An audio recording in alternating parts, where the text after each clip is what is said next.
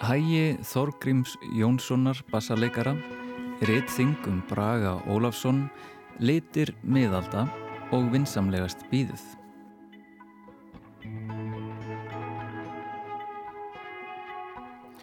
Þorgrymur Jónsson, bassarleikari, er eitt þeirra tónlistamanna sem að sendir frá sér nýja plötu þessa dagana í tengslum við jazzáttíð í Reykjavík sem að nú stendur yfir.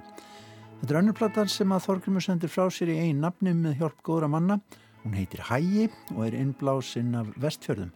Útgáðu tónleikar í kvöld og allt að gerast.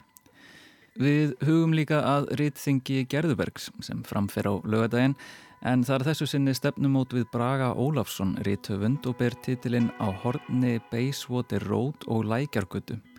Stjórnandi þingsins er Guðrún Laura Pétursdóttir og spyrlar eru Kristín Svafa Tómasdóttir og Einar Falur Ingólfsson.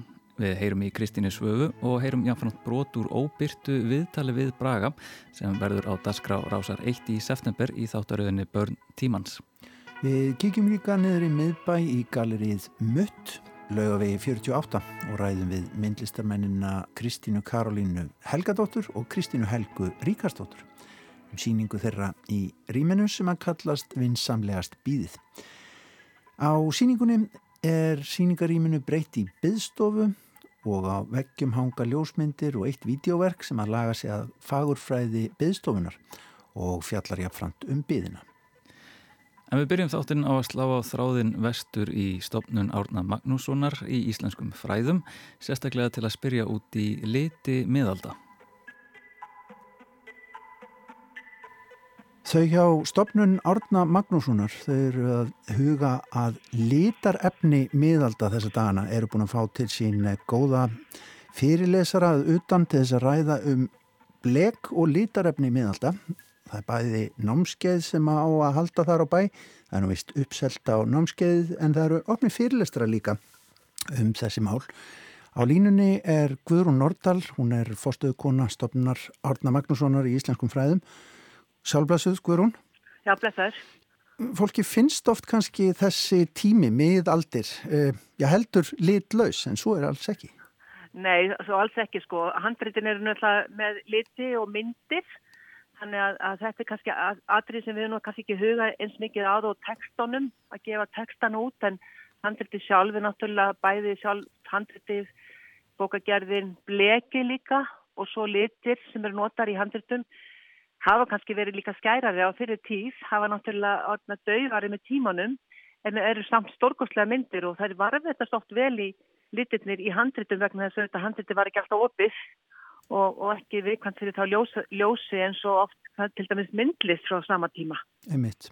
Fólk þekkir auðvitað þessi eh, hefur séð aðal á bókum og kannski á söpnum erlendis þessi ríkulegu míðaldahandrit skreittu uh, alveg gríðala stór og mikil og glæsileg um, Íslensku handritin eru kannski ekki alveg öll svona en það, er, það eru samt, það eru litríkar síður heldur betur í þeim, ekki satt? Já, það eru það og það er sérstaklega kannski tímabilið frá 13. 14. 14. öldin þá eigum við svona stór glæsileg handrit til dæmis flatega bók sem við höfum verið að fara að vera með í forvörslu síðustu árin og, og, og viðgerð og, og til dæmis litur í henni eru mjög fallegir og myndir og líka handrit úr Helgafeldsklaustri sem hafa verið tengt Helgafeldsklaustri.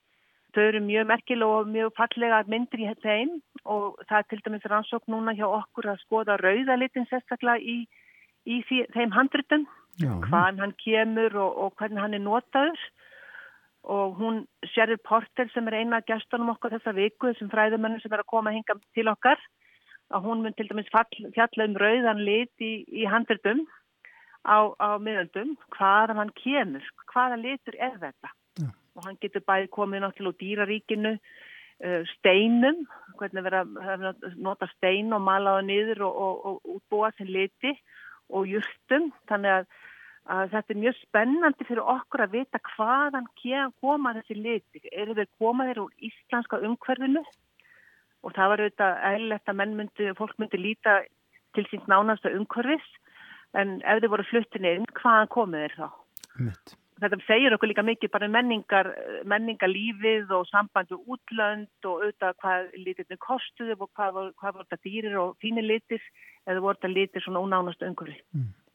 Sherry Lennu bara með fyrirlestu sinn núna klukkan 5 í húsi Vitísar. Uh, er hægt að fylgjast með þessu þó maður komist ekki svona í holdinu núna klukkan 5? Það þarf það miður að koma Já. á staðinn.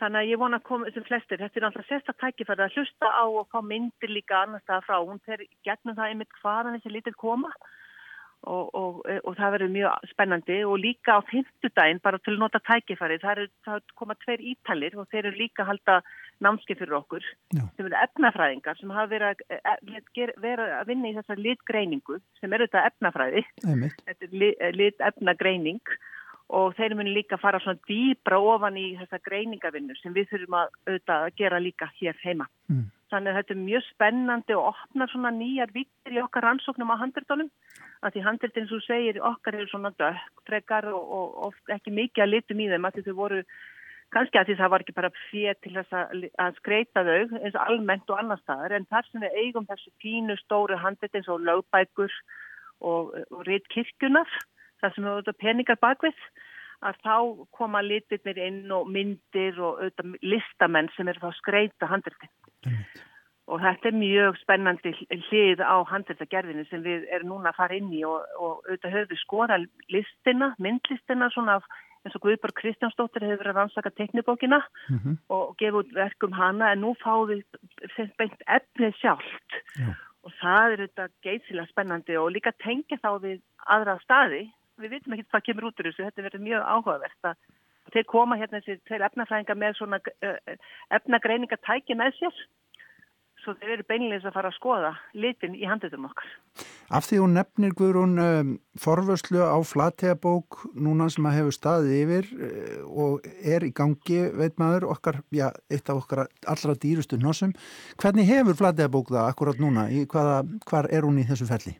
Já, hún hefur búið að reynsa hann alveg, hún er alveg tilbúið núna eiginlega bara í, í að binda hann inn.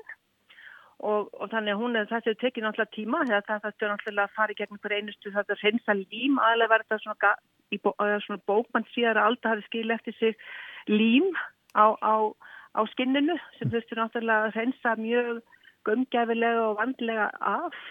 Og nú er hún tilbúin og hún verður ekki í tveimur bindum eins og hún var þegar hún kom til Íslands 1971 heldur setjum hann í eitt band eins og hún var uppalega og mjög líklega þegar hún var afhengt koningi hérna 17. öld til, til, í bóklöðuna þannig að, en hún var endurbundin þarna 18. öld í Kaupmannhöfn og sett í tvö bindi en hún á heima var, var í einu bindi sem verður mjög skemmtilt að sjá hana koma hana saman Já. og hún er mjög myndaleg Þetta lítur að svakalega aðgerð, ekki? Já, þetta er mjög spennandi aðgerð en ég minna þetta, hún, maður sér það alveg greinilega þegar við lögðum bindin saman og bara skinnið saman og hverinn að hún var ein bók uppalega og það er mjög eðlilegt, við þekkjum svona stór handrit annar stað frá þó við eigum ekki, þetta er nú okkur eiginlega stærsta handrit, mörgurlega bók er enda mjög þykk líka. En, en hún er alveg stórkostleg þegar hún er komin í, á, svona í eitt, eitt bindi. Já. Hvenar... þannig að þetta er næsta skref Og, og hún verður svona í nýju húsi hjá okkur? Já, hún verður, hún verður sínt svona í, í einu lægi, þannig að það verður mjög spennand að. Þau verður búin að fara um hana höndum mjög vandlega, Já. svona síðust árin.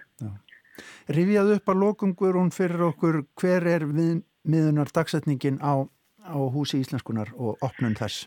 Við opnum bara mitt ár, 23, tæp 2 ár í þetta. Þannig að við erum mjög spennt og hlökkum til. Við erum að undurbúa núna bara okkar fluttningur og, og það styrtist mjög í hann. Þannig að það verður mjög gaman að geta syngt þessi handelstöðurum að tala um á þar í nýju húsi.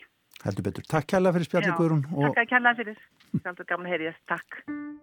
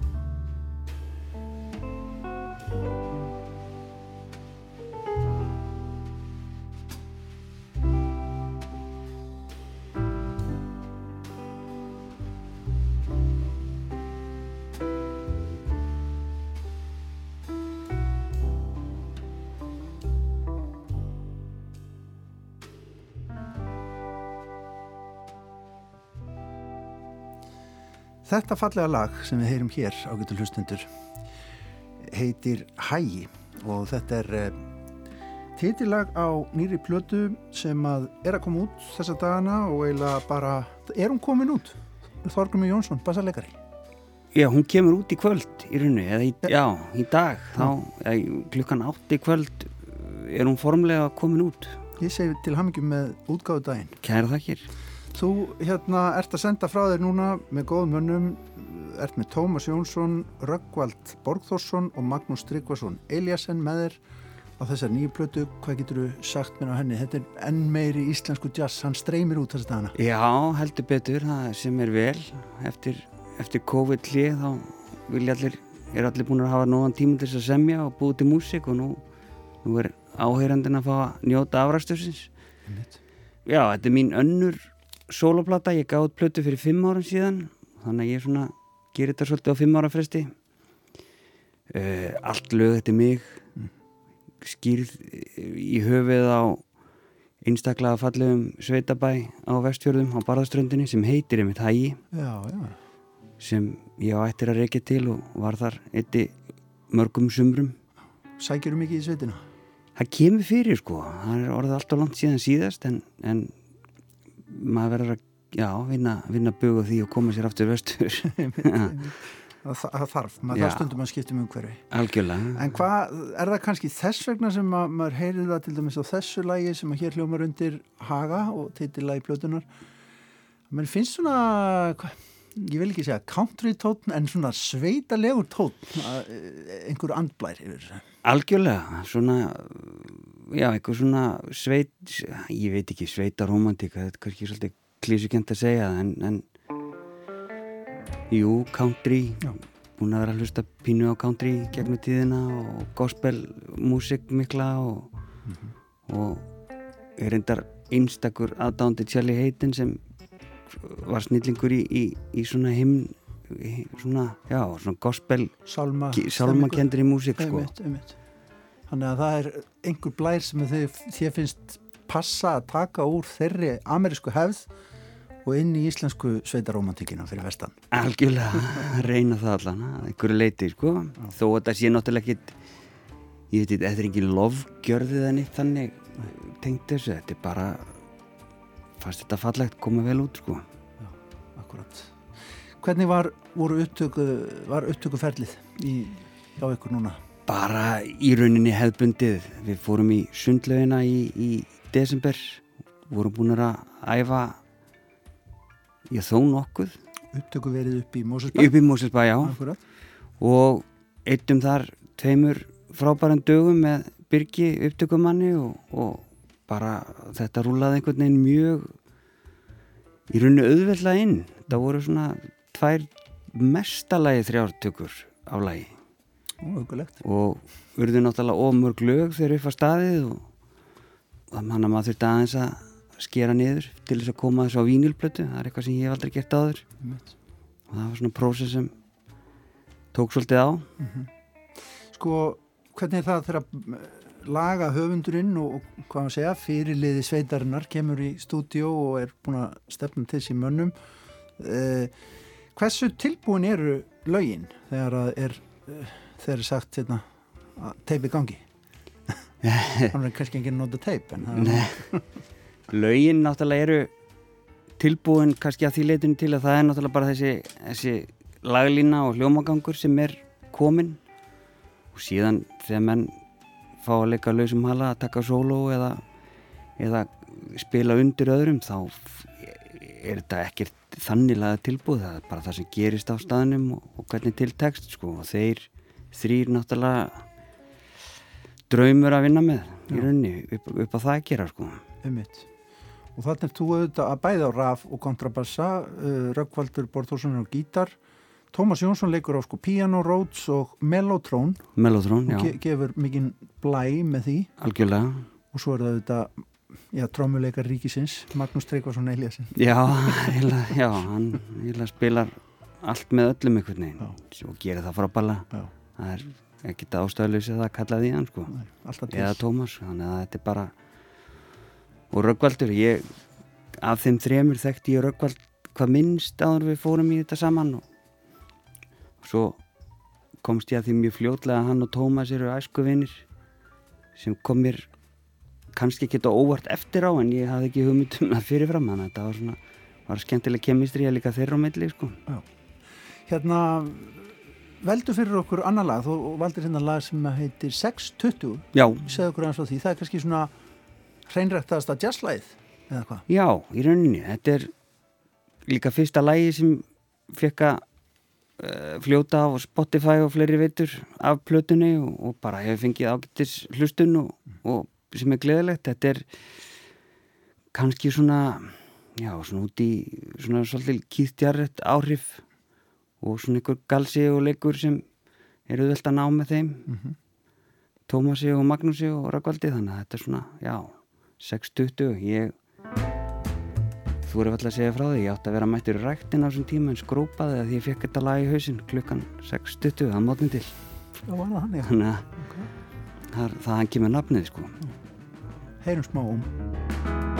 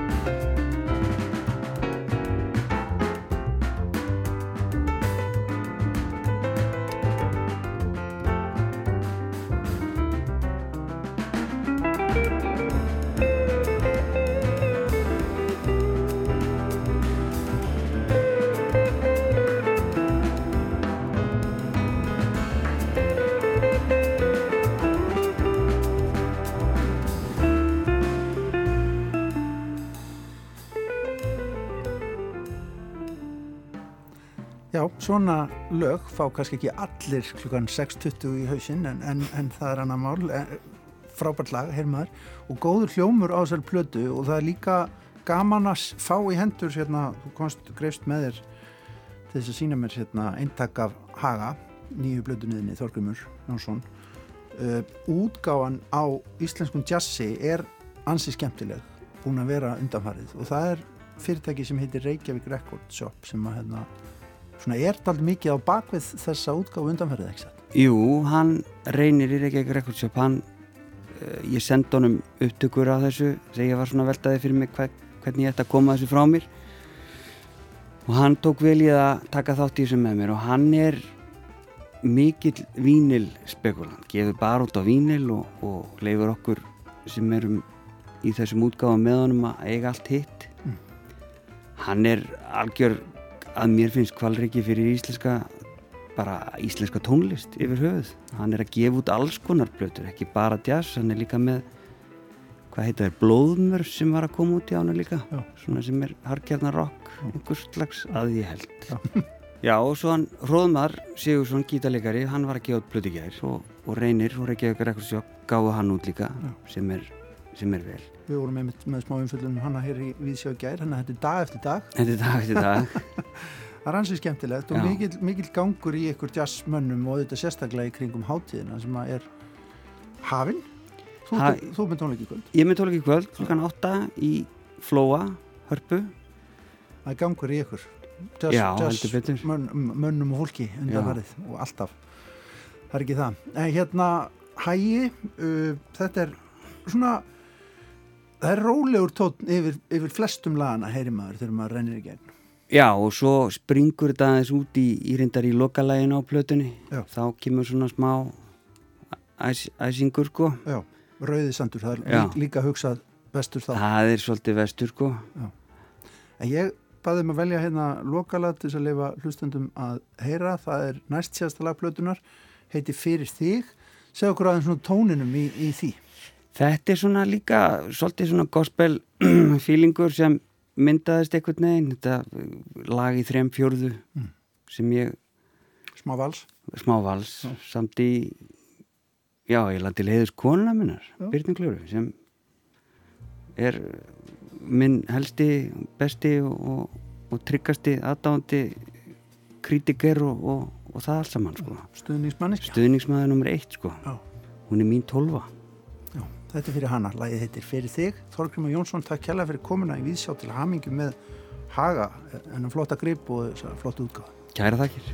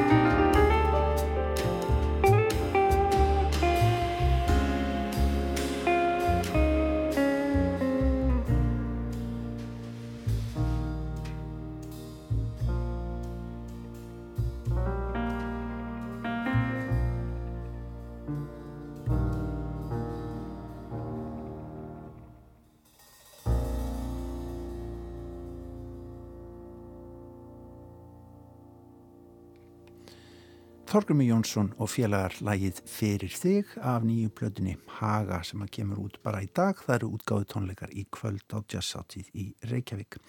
En þá að allt öðru. Rittþing í borgarbókasafninu í Gerðubergi fer fram næsta laugadag, nánar tiltæki 4. september klukkan 14. Þetta er árlegur viðbröður sem safnið hefur haldið frá árinu 1999 þar sem það býður einum ritthöfundi í spjall um ferilsinn. Gestur rittþingsins í ár er ritthöfundurinn Bræi Óláfsson en ég er hér sestu niður með Kristínu Svöfu Tómasdóttur, skáldi og sakfræðingi en hún er ein af spyrillum þingsins í ár. Kristín Svafa, velkomin í Víðsjó. Takk fyrir. Og uh, rittþing í Gerðubergi, hvernig uh, fer þessi viðbröður fram? Hann er bara mjög fjölbreyttur. Það er svona e, kannski svona megin þungin er bara höfundaspjall við Braga sem að Guðrún Lára Pétustóttir stýrir en svo eru ég og Einar Falur Ingólfsson erum spyrlar líka. Þannig að við munum bara spyrja Braga spjörunum úr um hans feril og bara allt sem við kemur honum og síðan er þetta brotið upp með alls konar mjög skemmtlegum uh, atriðum, það verður leiklestur og tónlist og ljóðaupplæstur sem að verður bæði auðvitað mjög gaman og endur spekla líka svolítið svona uh, þá fjölbreyttur hluti sem að Bræi hefur tekið sér fyrir hendur. En uh, Bræi Ólarsson hefur gennum tíðan að gefa út skáldsögur, leikrit, ljóð og tónlist og þýðingar og er eitthvað svona sérstök bókmyndagrein innan hans höfundaferil sem er langar sérstaklega að kafa onni á þessu þengi? Já, við sko munum eins og ég segi snerta á uh, bara flestu því sem hann hefur tekið sér fyrir hendur. Um, einar falur mun kannski uh, fókusera svona daltið á hans uh, svona fyrirhlutaferilsins, það sem hann er í, er í tónlistinni sérstaklega og, og ljóðlist uh, og svo yfir í smásögurnar uh, og svo munum við Guðrún Lára kannski fókusera ennþá meira á skáldsögurnar sem eru auðvitað líka orðnar uh, nokkuð margar. Og um, hver myndur þú segja að svona sér enginni Braga væru sem höfundar? Það er kannski ósangið spurning afsaki. Já, það er stórti spurt. Um, það er, uh, hann hefur mjög svona sterkan einhvern veginn höfundar stíl, svolítið svona undirfurðulegan kannski. Uh, það er alltaf eitthvað svona daltið sem svona kræmar einhvern veginn undir niðri á bakvið, einhver svona stundum alveg einhvers konar ógn.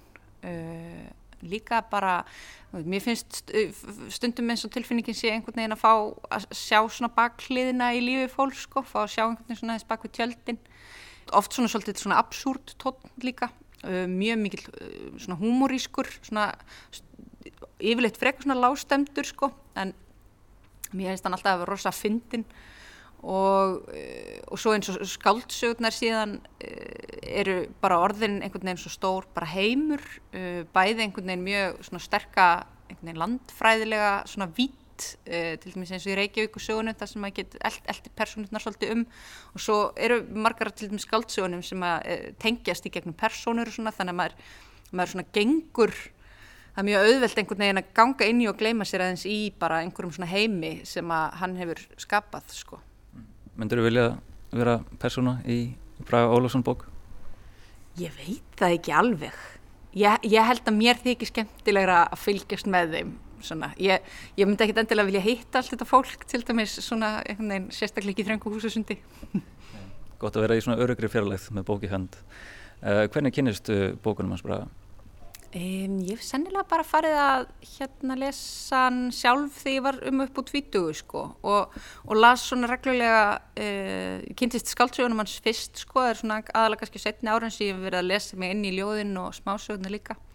En, en ég er svona sérstaklega hrifin á hann sem skáldsagna höfundi og svona kannski já senustu árum sem að ég hef alveg sökt mér í hann þar á meðal í tengslum reyndar bara við þetta reyting líka því að Uh, þetta er einn af þeim viðbörðum sem hafa frestast mjög oft vegna COVID þannig ég held að undirbúningurinn hafi staðið yfir bara næstu tvö ár sko. Þannig að þetta er líka búið að vera hérna langur aðdragandi og maður hefur hatt mikinn tíma til að hugsa málið. Og hann verður nú með nýja skáldsögu í haust. Uh, verður hún eitthvað tekinn fyrir á þessu þengi? Ég held reyndar að hún frestist og verður ekki í haust uh, en hann er að vinna skáldsögu og við munum áræðanlega að spyrja hann út í út í það. Ég skil. Uh, Kristins Vaða Tómasdóttir, takk hérlega fyrir að koma í þessu.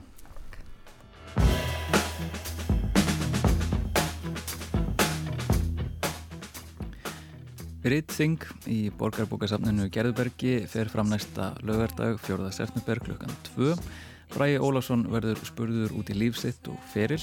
Áhuga samir eru beðinir um að skrá sig á viðburðin fyrirfram á vef borgarbókasafnsins. En við skulum grípa aðeins niður í óbyrt viðtal við Braga Ólafsson sem verður að dasgra hér hjá okkur á Ráseitt hann 18. september næstkomandi. Þá eru Bragi heimsóttur í fyrsta þætti þáttaraðar sem að heitir Börn tímans þar sem listamenn eru sóttir heim. Við skulum heyra smá brot úr viðtali sem að framfór við vinnuborg Braga á dögunum. Herbergið er ekki íkja stórt, þarna eru plötur og geisladiskar í hillum og svart skrippborð sem að ég settist við og spurði Braga út í hvort að hann væri mættur þarna stundvislega klukkan nýjum á hverjum vinnudegi. Já, en, en það er náttúrulega, sko skriftir fari ekki fram allan daginn, ég minn ég er náttúrulega, hérna, við náttúrulega erum öll þrælar tölvuposts og, hérna, og, og, og alheimsnets, þannig að það fyrir einhver tími í það. En, en ég sitt hérna allan daginn fyrir kannski göngutúri í hátteginu eða eitthvað En kvikna hugmyndirnar hér eða kvikna þær á göngutúrnum eða hvar sko eða getar, ertu til dæmis alltaf það eru frægar þessar nótísubækur sko reytöfundana sem eru alltaf eitthvað að punta í Já. Ert alltaf með þannig á lofti og þegar hugmyndin dettur inn þá þarf þetta að grípa hana? Ég, ég, ég þarf að gera það, sérstaklega núna sko, ég finn fyrir því að, að þegar maður verður eldri þá, þá hérna, þá eru hugmyndirnar fljótar, fljótar eða hverfur hausnum þannig að ég er bara búin að læra það fyrir laungur endar hérna, að, að punkta það alltaf niður og ég er að koma með heilt fjall af svona minnisbókum mm -hmm. sem ég hefur endar ekki farið í gegnum ég fer yfirlega ekki gegnum þar nema bara svona síðustu bók eða síðustu blaðsíður mm. þegar ég er að punkta niður eitthvað varðandi það sem ég er að vinna hverju sinni sko. mm. en þannig að ég er alltaf, alltaf að reyna að sjá fyrir mér einhver tíma þar sem ég sest yfir þessar bækur að því ég veit að það er mjög mikið af fínum hugmyndum ja. eða sem mér finnst fínar og hérna en það kannski bara ja, Þér en, fannst fínar kannski. Já, það fannst fínar en, en það svona rifjast alltaf upp svona ein og ein já, já. sem ég veit sko hef svona eitthvað, svona eitthvað grun um í einhverju gammalli minnisbók. Og ég veit að það er eftir að nýtast mér ef, ef, að, ef að mér gefst tími til þess að fara í þetta. Hérna, Nei sko yfirleitt fæ ég kannski ekki hugmynd, grunn hugmyndunar hérna við þetta svarta skrifborð. Það er koma alltaf á göngu eða, eða, eða þú ert að gera eitthvað allt annað þannig að mann alltaf rempist ekki við að fá hugmyndir sko. mm -hmm. en svo alltaf bara vinn ég úr þeim hér en mann alltaf er alltaf þannig síðan í vinnun alltaf daginn sko. hérna, og ekki síst á kvöldin þegar maður er að lesa eða, eitthvað, eða að horfa á Breaking Bad í sjónamölu eða eitthvað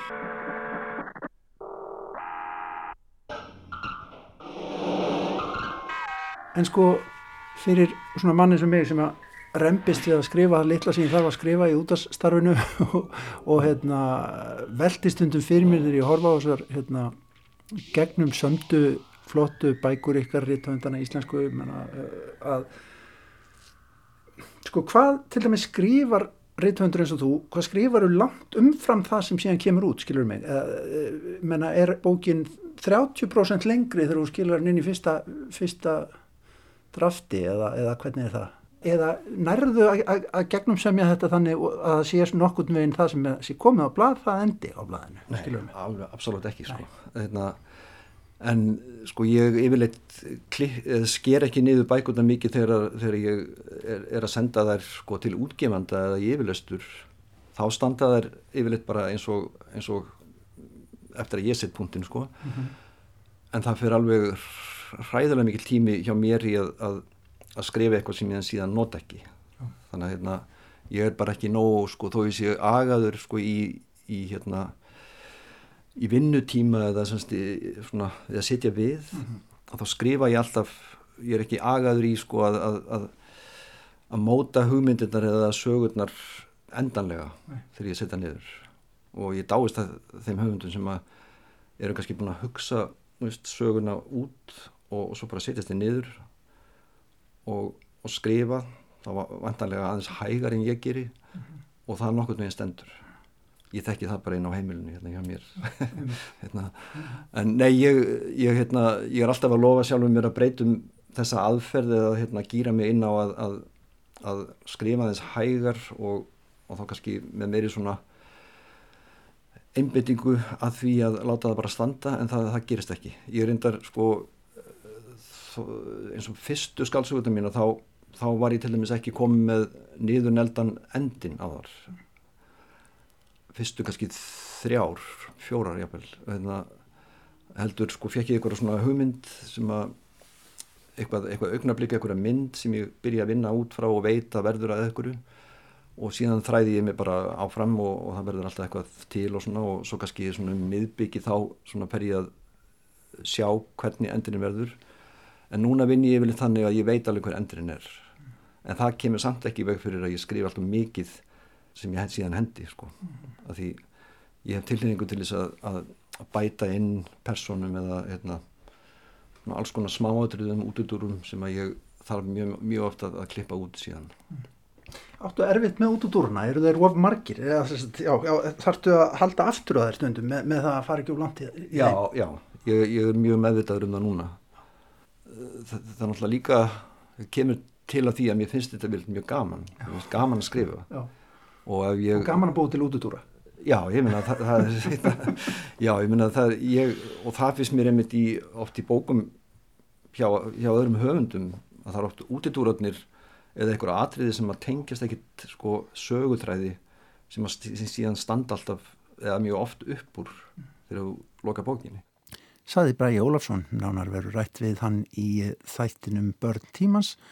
Fyrsti þáttur er á dagskrá 18. september næstkomandi en eh, réttir að benda áhugasömmum áriðtingið um Braga í Gerlubergi núna á lögadaginn. Allir að skrá sig inn á vef borgarbókasapsins sem að vilja taka þátt.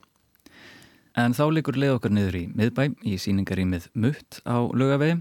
Þar stendur yfir síningin vinsamlegast býðið myndlistamenn síningar tóku á móti mér í galleríunum og sögðu mér frá síningunni en einslægið hefst á nokkrum hljóðum úr vídeoverki hennar og lestri úr síningaskrá.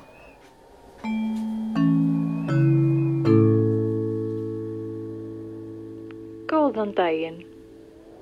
Þú hefur náð sambandi við byggstofuna. Mikið álag er á línunni, vinsamlegast býðið.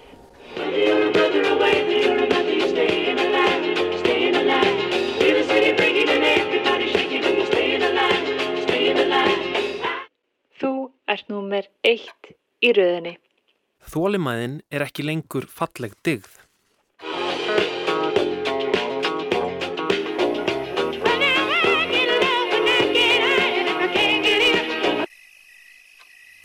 Býð eftir svari, býð eftir símtali, býð eftir flugi, býð eftir niðurstöðu, býð eftir staðfestingu, býð eftir útborgun, býð eftir úthlutun, býð eftir höfnun, býð eftir sumri, býð eftir sumafríði, býð eftir afléttingum, býð eftir uppsögn, býð eftir bólöfni, býð eftir örfun, býð eftir grænu ljósi, býð eftir opnun, býð eftir lokun, býð eftir hausti, býð eftir að heilsan versni, býð eftir að deginum ljúki, býð eftir myrkri, býð eftir að það byrti, býð eftir draumi, býð eftir heimsendi, býða eftir að þessu ljúki.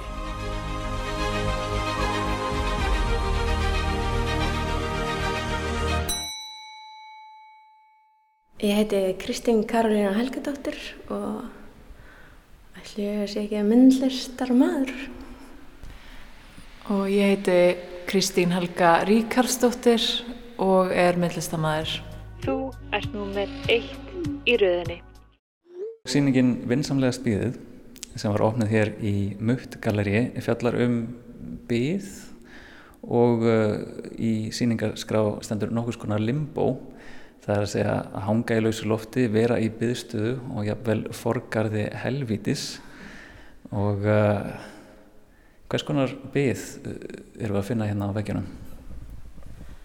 Um, þetta var kannski kveikjan að síningunni að allavega, já, við vorum með byðstofi sem svona einhvers konar kveik, sem var kveikjan og, og við upplöfum okkur sjálfar í ákveðinu byðstofu þess vegna var það að umfangsefni. Já, bara stækkaði og varð að síningunni. Maður er kannski alltaf að býða eftir einhverju og kannski einmitt á COVID-tímunum þá var maður alltaf að býða eftir bólefni, býða eftir að, að allt verði venjulegt aftur, eða þetta verði bara einhvern veginn búið og síðan náttúrulega bara heldur byðin áfram og og við vildum líka fjalla bara um byðina á um eitt almennanhátt líka. Þannig að bara býða eftir að fara í frí, býða eftir að sumari komi býða eftir að skólan er ofnað aftur og svo held ég að við hefum líka tengt þetta svolítið bara við að vera um eitt myndlistamöður eða listamöður eða hvað sem er, maður er alltaf einhvern veginn að býða eftir einhverju, býða eftir svari býða eftir umsókn eða býða eftir styrk, býða eftir að síningin opni, að fá síningu og einhverju nýju tímabili, nýju þema, nýju efni, nýri hugmynd. Og uh, verkefninu á síningunni eru, já, þetta eru margar myndir á veggjum, það er vídeo og svo er síningarýmið eiginlega sjálft einhvers konar byggstofa sem við setjum hér á. Það er svona vomir kannski einhver ókennileiki yfir þessu. Það er eitthvað óþægilegt í byðinni hérna, finnst mér, en vissulega mikill húmor líka. Lýður ykkur illa í byð? Ég held að byggð geti verið þegar maður er á byggstofu þá einhverjum ástæðum þá býður maður bara svona frekar þægilega og rólega þannig að mér alltaf upplifa alltaf eins og í síningunni á byggstofunni inn í síningarýminu að stoppar fólk yfirleitt svolítið lengi það, eða, veist, það verður einhvern veginn smá þólumæði yfir byðinni á byggstofunni Já, uh, byggð er svo almennt ástand og bara sammannlegt þannig að ég held að hún einhvern veginn geimi allar brettir af einhverjum kendum og er bæði óþægileg og spennandi og getur verið bara, maður getur orðið líka háður byggð og maður er alltaf að finna, ykkur, finna upp á okkur nýju til að býða eftir. Þannig að það er mjög einhvern veginn mikill skali í byðinni og við erum að reyna að sjá líka kannski þessa svona humorísku hlið á byðinni og ég vil gera smá grínaðinni mm.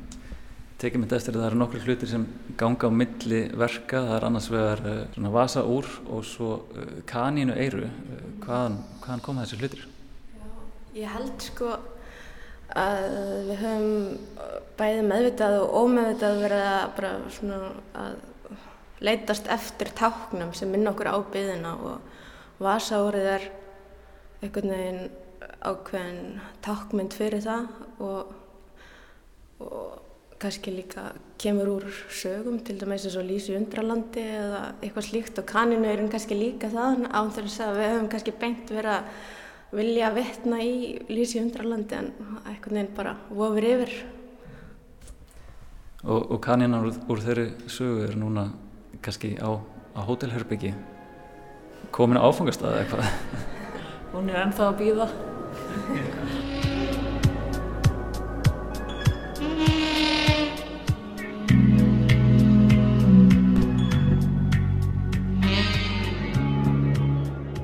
Hér fyrir framann okkur erum við með mynd, ljósmynd í heimagerðum ramma og sem sýnir mangotré og á myndinni er mangotré í í nærmynd. Við sjáum löfblöðin bæði í fókus og ekki fókus. Í mangotrénu hangir verðmeði og mynd af mangotrénu. Það er verð á mangotrénu og það kostar 54.365 krónur og þessi mynd gæti verið hangið inn á byðstofu en það væri kannski frekar treð sjálft sem gæti verið inn á byðstofunni því þetta er byðstofu tré, gerfi tré, mango tré til sölu. Vinsamlegast býðið.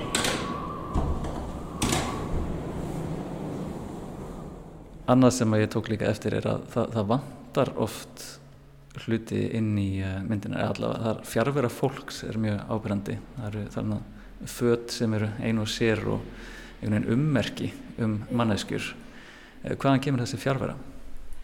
Sko við vorum þegar við vorum að búa til þessi verk og hérna og vorum að hugsa einhvern veginn á um byðina þá var sem sagt var það í fyrir árið 2020 sko og þá vorum við líka alveg svolítið að pæla í fjárveru uh, líkamanns eins og þú veist af Zoom og að fólk sé einhvern veginn uh, ekki svona fysikal á staðanum einhvern veginn þannig að þannig er rauninni kannski kom hugmyndin en síðan líka bara með veist, að leika okkur með hlutina. Já, það var ummitt, ég held að við hefum aldrei talað um það svona okkar á milli að hafa um, um fjárveru manneskinnar en kannski var það bara svona yfirvofandi og einhvern veginn, kannski í þessu COVID tímabili þá fannst okkur við einhvern veginn renna saman líka við hlutina og dý, önnur dýr og kannski leðublökur koma líka við sögur sem er svona smá draugagangur og draugar og einhvern veginn einn hendi, getur verið guðshendi eða hvað sem er og þannig fór þetta einhvern veginn að rúla. Líka einhvern veginn tala um, eða þú veist svona, það var svona draugarlegt innan gæsalapma, bara einmitt einhvern veginn á mörgum stöðum í heiminum sem er van vanlega fullt af fólki og Já. til dæmis hérna á Íslandi bara einmitt á hótelhált, engir gestir og á laugaveginum og leifstöð mm. bara van, einhvern veginn varð bara smá draugarlegt tímabill á fólksins. Mm. Og það er mitt videoverkið sem er hér inn á, á byðstofu síningarinnar, mætti segja. Um, þar erum við með aðal personu í leifstöð, hvita í framann með uh, kaninu eru og svona virkar eins og einhvers konar draugur í leifstöð og svo erum við með draug á Hotel Holt. Er þetta kannski, fjallar því síning kannski um drauga? Já, kannski. Einhvers konar eftirmynd alls og já, allavega það er draugagangur hérna og hvort hún fjalli um drauga kannski fjallar alveg jafn mikið um ekki drauga, um mannin og, og mikið um tíman um, er tímin að renna út? Já, er það ekki. Erum, hann líður en okkur líður líka eins og við getum horfið á jörðinni eftir mjög skaman tíma sem kannski var líka einhver svona draugur En já, ég myndi segja að tíminn tímin er alltaf að líða og hann rennur út á endanum að þeirra lífið er búið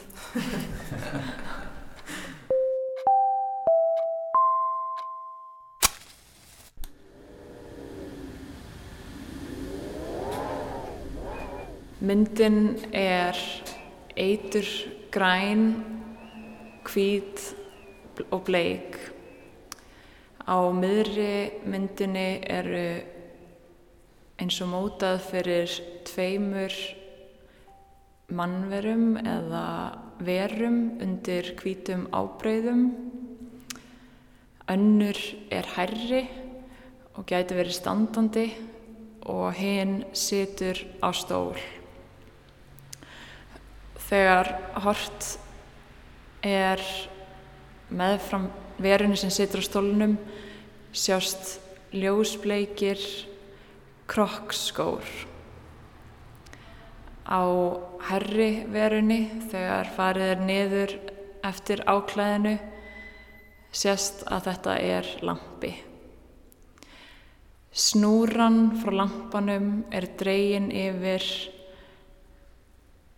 hluta af honum og fer eins og upp á hendi lampans og þar er ljósbleikur púðluhundur.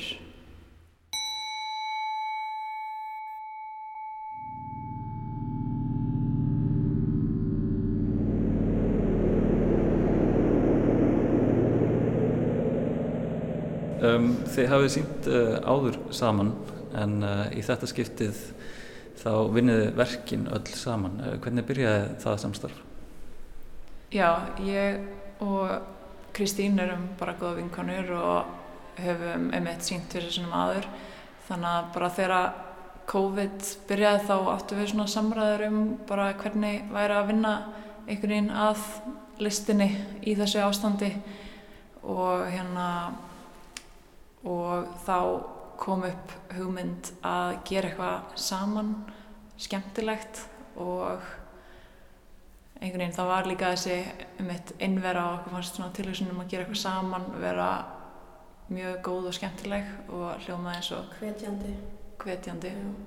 Við vorum líka á þessum tíma í mastersnámi sem maður fer í mastersnám til að vera með nefndum og kennurum og einhvern veginn umvafin fólki og kritik og samstarfi og vera saman á vinnustofu en hér voru við held ég báður í næstum því ár, eða nei kannski 6-7 mánuði.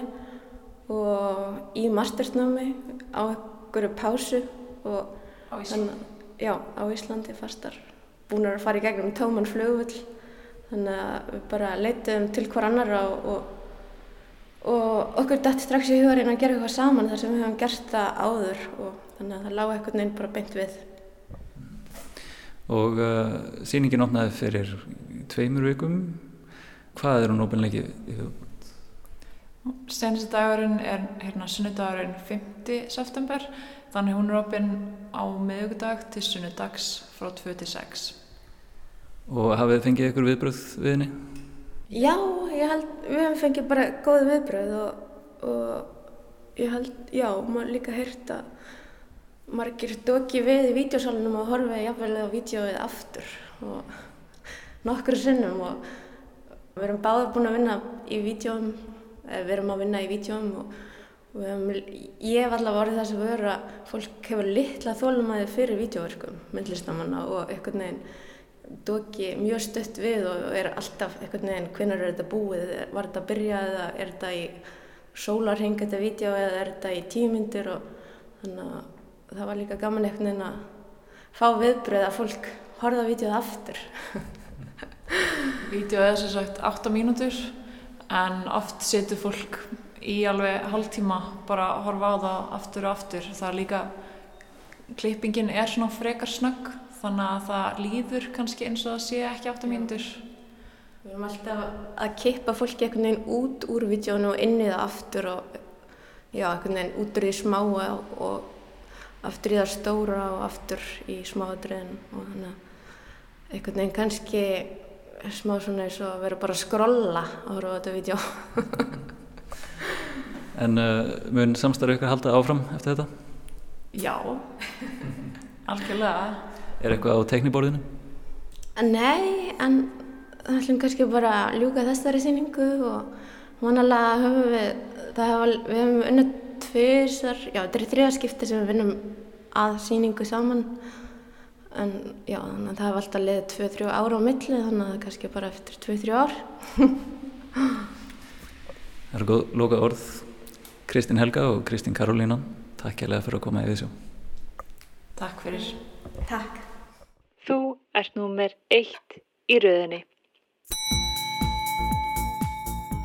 Sýningin vinsamlegast býðið í galleríunu Mutt á laugavegi klárast á sunnudag um að gera stinga nefnu þar inn og býða aðeins Það voru myndlistamennir Kristín Karolína Helgadóttir og Kristín Helga Ríkarsdóttir sem sögð okkur frá síningunni en hljóðin í þessu einslægi komu úr myndbandsverki síningar. Já, lengri verður við sjá ekki í dag ágættu hlustendur. Takk fyrir samfélgina. Verðum hér aftur á morgun klukkan 16.05. Verðið sæl.